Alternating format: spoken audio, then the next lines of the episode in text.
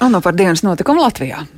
Šodien uz saimu ceļos slavenais budžeta portfels. Tajā šī gada budžets, kuru finanšu ministrs Arvils Ašrādens mums pirms pāris dienām nosauca par ekonomiskās transformācijas budžetu, kurā tomēr primāri ir drošība. Kāds vērtējums ir opozīcijai par sagatavoto budžetu un ekonomiskās transformācijas iecerēm, tagad izvaicāsim Sēmas progresīvo frakcijas priekšsēdētāju Kasparu Brīškanu. Labrīt! Labrīt. Labrīt. Kā tad ir ar to ekonomiskās transformācijas budžetu? Jūs arī piekrītat šim apzīmējumam un raksturojumam? Mēs ļoti būtu gribējuši, lai mēs šo budžetu patiešām varētu saukt par pilnvērtīgu ekonomiskās transformācijas budžetu.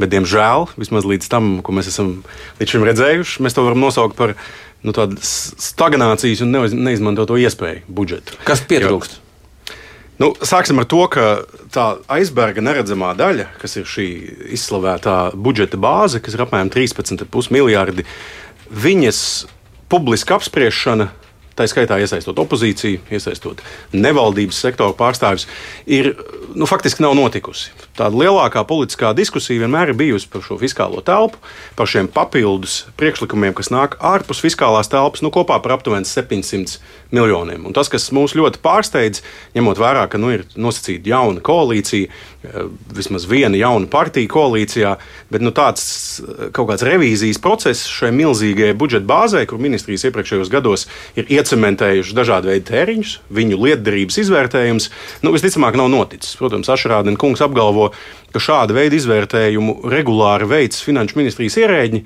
Nu, tad ir jautājums, kāpēc mums ir vajadzīgi politiķi, ja ir tāda zināma ierēģu tehnokrātija, eh, kas šo 13,5 miljardu budžetu šajos krīzes apstākļos eh, nu, faktiski nodefinē, vai tur ir liederīgi tēriņi vai nav liederīgi tēriņi. Bet nu, tagad tas nonāk saimā, jums būs iespēja ķerties pie pie savām idejām, pie, pie revīzijas, kas būtu maināms, ko varētu mainīt budžetā? Jā, mēs jau šo darbu noteikti esam uzsākuši. Tas, kas ir atkal, es apzināti lietoju terminu aizberga neredzamā daļa, jo pat gribēdami mēs tā īsti netiekam klāt tādā struktūrētā veidā. Šiem ministriju bāzes budžetiem var, protams, nodarboties ar tādu zināmu finansiālu uh, arheoloģiju, iet ministrijas 22. gada budžetā, skatīties, kāds tajā laikā bija plāns 23. gadam. Nu, es ceru, ka šodien līdz ar budžeta paketi beidzot mēs saņemsim arī detalizētu uh, šo budžetu, tā skaitā budžeta bāzi ministriju griezumā. Nu, lai arī mēs varētu kritiski paskatīties uz, uz, uz dažādiem nu, ir pilnīgi skaidrs, ka tur tādi ir neliederīgiem tēriņiem. Un tad, protams,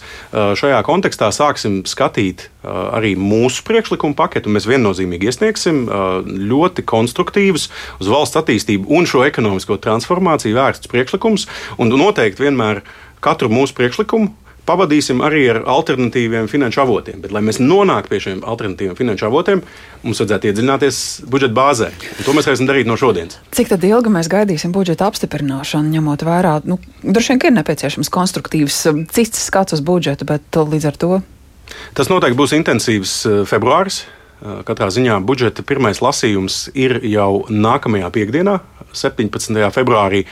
Uz to, protams, mēs gatavosimies vairāk tādai konceptuālai pirmajai diskusijai, un tad jau, protams, uz, uz otro lasījumu tur jau noteikti būs arī ļoti plaša priekšlikuma pakete. Es domāju, ka ļoti aktīvi arī deputāti iesaistīsies gan darbā budžeta un finanšu komisijā, gan saimā kopumā. Nu, mēs, protams, arī metīsim izaicinājumu arī šai uh, ekonomiskajai vai ideoloģiskajai loģikai, kas ir ieprogrammēta jaunajā budžetā. Mums, piemēram, nav pieņemams, man arī kā ekonomistam, ne tikai kā saimnes deputātam, nav pieņemams tas, ka ir uzlikts nu, tāds zināms moratorijas nodokļu politikai. Ir grūti iedomāties uh, attīstītu Eiropas Savienības vai OECD dalību valsti, kas budžetu neskata kontekstā arī ar nodokļu sistēmas uzlabojumiem, ar nodokļu sistēmas tādu dinamisku pielāgošanu ekonomiskajai situācijai. Mēs šobrīd ejam recesijā, mums šobrīd potenciāli pieaugs bezdarbs. Šī bija tā iespēja, kad nedaudz pamainīt arī nodokļu likmes, piemēram, samazināt likmes darba spēka nodoklim, piemēram, palielināt likmes ekskluzīvu zemju dīkstāvis īpašumiem. Tas noteikti nav izdarīts, jo ir politiska vienošanās, ka nodokļus pagaidām neaiztiks. Nu, par to jā,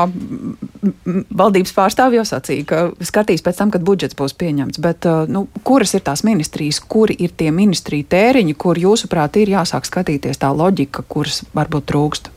Mēs noteikti atbalstam uh, akcentu uz valsts iekšējās un ārējās drošības stiprināšanu. Es domāju, aizsardzības ministrija un iekšlietu ministrija uh, var būt gandarītas, ka tomēr šie, šīs lielās pozīcijas, gan pretgaisa uh, sistēmas investīcijas, gan Ukraiņas atbalsts, gan robežu būvniecība, austrumu robežas, gan uh, ugunsdzēsības infrastruktūras attīstība, tur šis finansējums ir pieejams. Bet, ja mēs paskatāmies uz zinātnē un inovācijām. Ja mēs paskatāmies uz minimāliem ienākumiem, tur ir 10 miljoni klāt, bet tas ir tikai neliela daļiņa no tā, kas ir nepieciešama, lai nodrošinātu īpaši šīs 20% inflācijas apstākļos, uh, minimālos ienākumus sabiedrībā neaizsargātākajām grupām. Ja mēs paskatāmies uz to pašu ekonomisko transformāciju, mēs daudz esam runājuši par mūsu jaunu uzņēmumu kopienu, kur ir pagājušā gada laikā piesaistījusi investīcijas vairāk nekā 300 miljonu apmērā.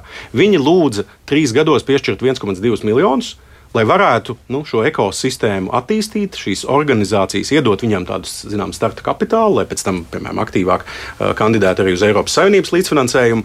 Pretī dabūja 200 tūkstošus vienā gadā. Notiecīgi sešreiz mazāk kā prasīt. Tad par kādu ekonomikas transformāciju mēs runājam, ja mēs neinvestējam pat tajās nozarēs, kas acīm redzami demonstrē tādu nākotnes potenciālu, tā skaitā tādā ļoti augsts pievienotās vērtības segmentos. Mēs šobrīd dzīvojam ar tehnisko budžetu, un no vienas puses būtu nepieciešams pēc iespējas ātrāk sāk tikt pie normāla budžeta. Uh, tad jūs tomēr uzskatāt, ka vajadzētu tā pamatīgi pieiet šim, šiem budžeta jautājumiem un neskatoties uz laika termiņiem, tā ilgi kārtīgi ņemt visu cauri un pētīt, veitītu priekšlikumus un neskatoties, cik ilgi tas aizņems laiku. Ne, nu, mums noteikti nav ilūzijas par to, ka, protams, ka budžets, budžetam ir noteikts uh, laika ietvars.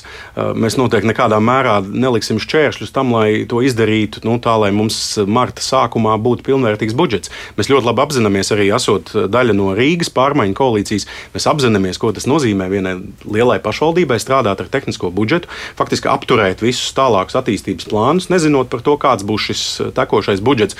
Drīz jau būs situācija, ka mēs apstiprināsim 22. gada, 23. gada budžetu budžetu, un pēc dažiem mēnešiem būs jāsāk darbs jau pie nākamā gada budžeta. Tā kā skaidrs, ka šis ir steidzams eh, jautājums, ņemot vērā, cik ilgi veidojās koalīcija, šis jautājums ir, ir iekavējies, un mēs esam gatavi strādāt intensīvā režīmā. Tāpēc mēs būtu novērtējuši to iespēju jau janvāra sākumā, kad bija visas šīs tehniskās sarunas, gan koalīcijas līmenī, gan ar finanšu ministrijas ierēģiem, kad ministrijas nesa savus priekšlikumus.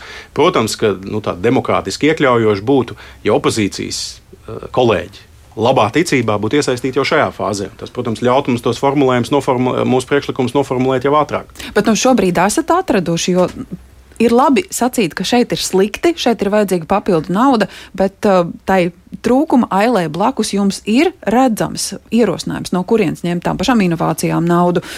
Skolotāji šobrīd arī ir sarežģītā situācijā, tāpat veselība, kas it kā ir prioritātes budžetā, bet izrādās naudas nav pietiekami. Jā, ļaujiet nosaukt pa, papildus teiksim, tam, tam, tam ideoloģiskam rāmim, ka teiksim, mūsuprāt, ekonomikai ieejot recesijā, te, teiksim, tie galvenie parametri veidojot budžetu nevar būt budžeta deficīta cipars vai ārējā parāda cipars. Mēs uzskatām, ka šobrīd valstī finanšu apstākļi, arī kredītreitings ir pietiekami pietiekami labs, lai valdība varētu stimulēt ekonomiku, lai novērstu lejupslīdi. Bet, ja mēs paskatāmies, teiksim, ja mēs piekrītam šai loģikai, ka vienmēr ir jāatrod, kam atņemt, lai kādam pieliktu klāt, tad pat šajā kontekstā, piemēram, papildus finansējums gandrīz 20 miljonu apmērā dzelzceļa infrastruktūras uzturēšanai, kur mēs redzam, ka Latvijas dzelzceļš joprojām turpina strādāt Krievijas tehnoloģiskajā orbītā.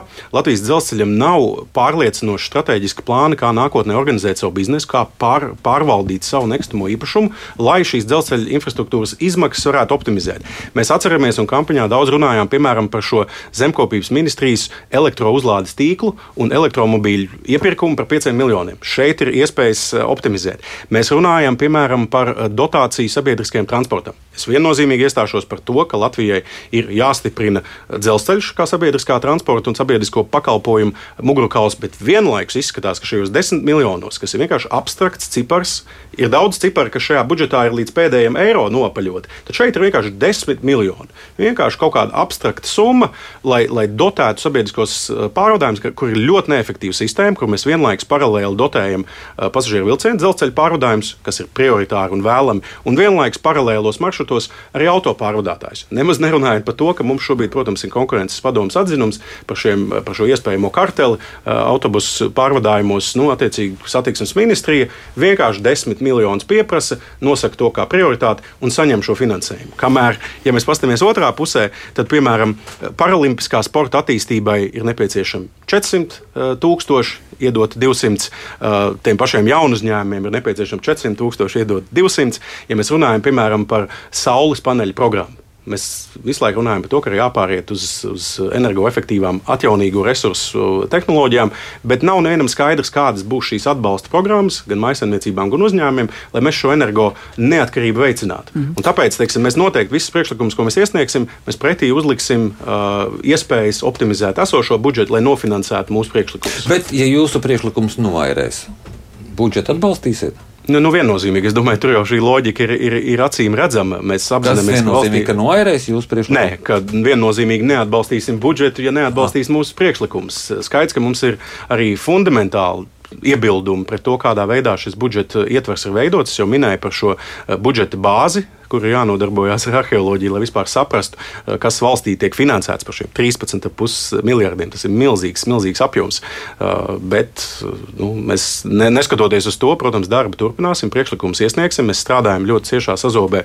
arī ar dažādām nevaldības sektora organizācijām. Vēl viena tēma, kas, kas ir ļoti aktuāla arī, arī šeit, ir sabiedrisko mediju eh, finansējums apstākļos, ka sabiedriskais mēdījis ļoti daudz investē, lai sabiedrība atspoguļotu Ukrainā notiekošo. Un tā ir daļa arī no Latvijas. Latvijas nacionālās drošības arhitektūra, šī informētība, Jā. tad nepiešķirt finansējumu sabiedriskajiem mēdījiem ir, ir, ir tuvredzīgi. Ja jūs sacījāt, ka šis ir stagnācijas budžets, mums valdībā ir stagnāti? Noteikti ir teiksim, tādi ideoloģiski, stagnantiski aizspriedumi. Ir teiksim, kaut kādas lietas, nu, teiksim, vienai partijai šī uh, fiskālā konsolidācija ir tāds nu, jau gēnu līmeņa, DNS līmeņa jautājums. Vēl vienai partijai ir uzskats, ka valdībai vispār vajadzētu pēc iespējas mazāk tērēt, un tad trešajai partijai savukārt būtu interese investēt vairāk, bet nu, kompromisa vārdā tiek piekrists šim budžetam. Mēs, kā progresīvie, protams, iestājāmies par to, ka šis ir brīdis, kad Latvija ir jāinvestē. Mm jāinvestē, jāinvestē. Jā, liels paldies jums par šo sarunu. Mūsu studijā bija Sēmas progresīvo frakcijas priekšstādātājs Kaspars Brīškens. Paldies! Paldies!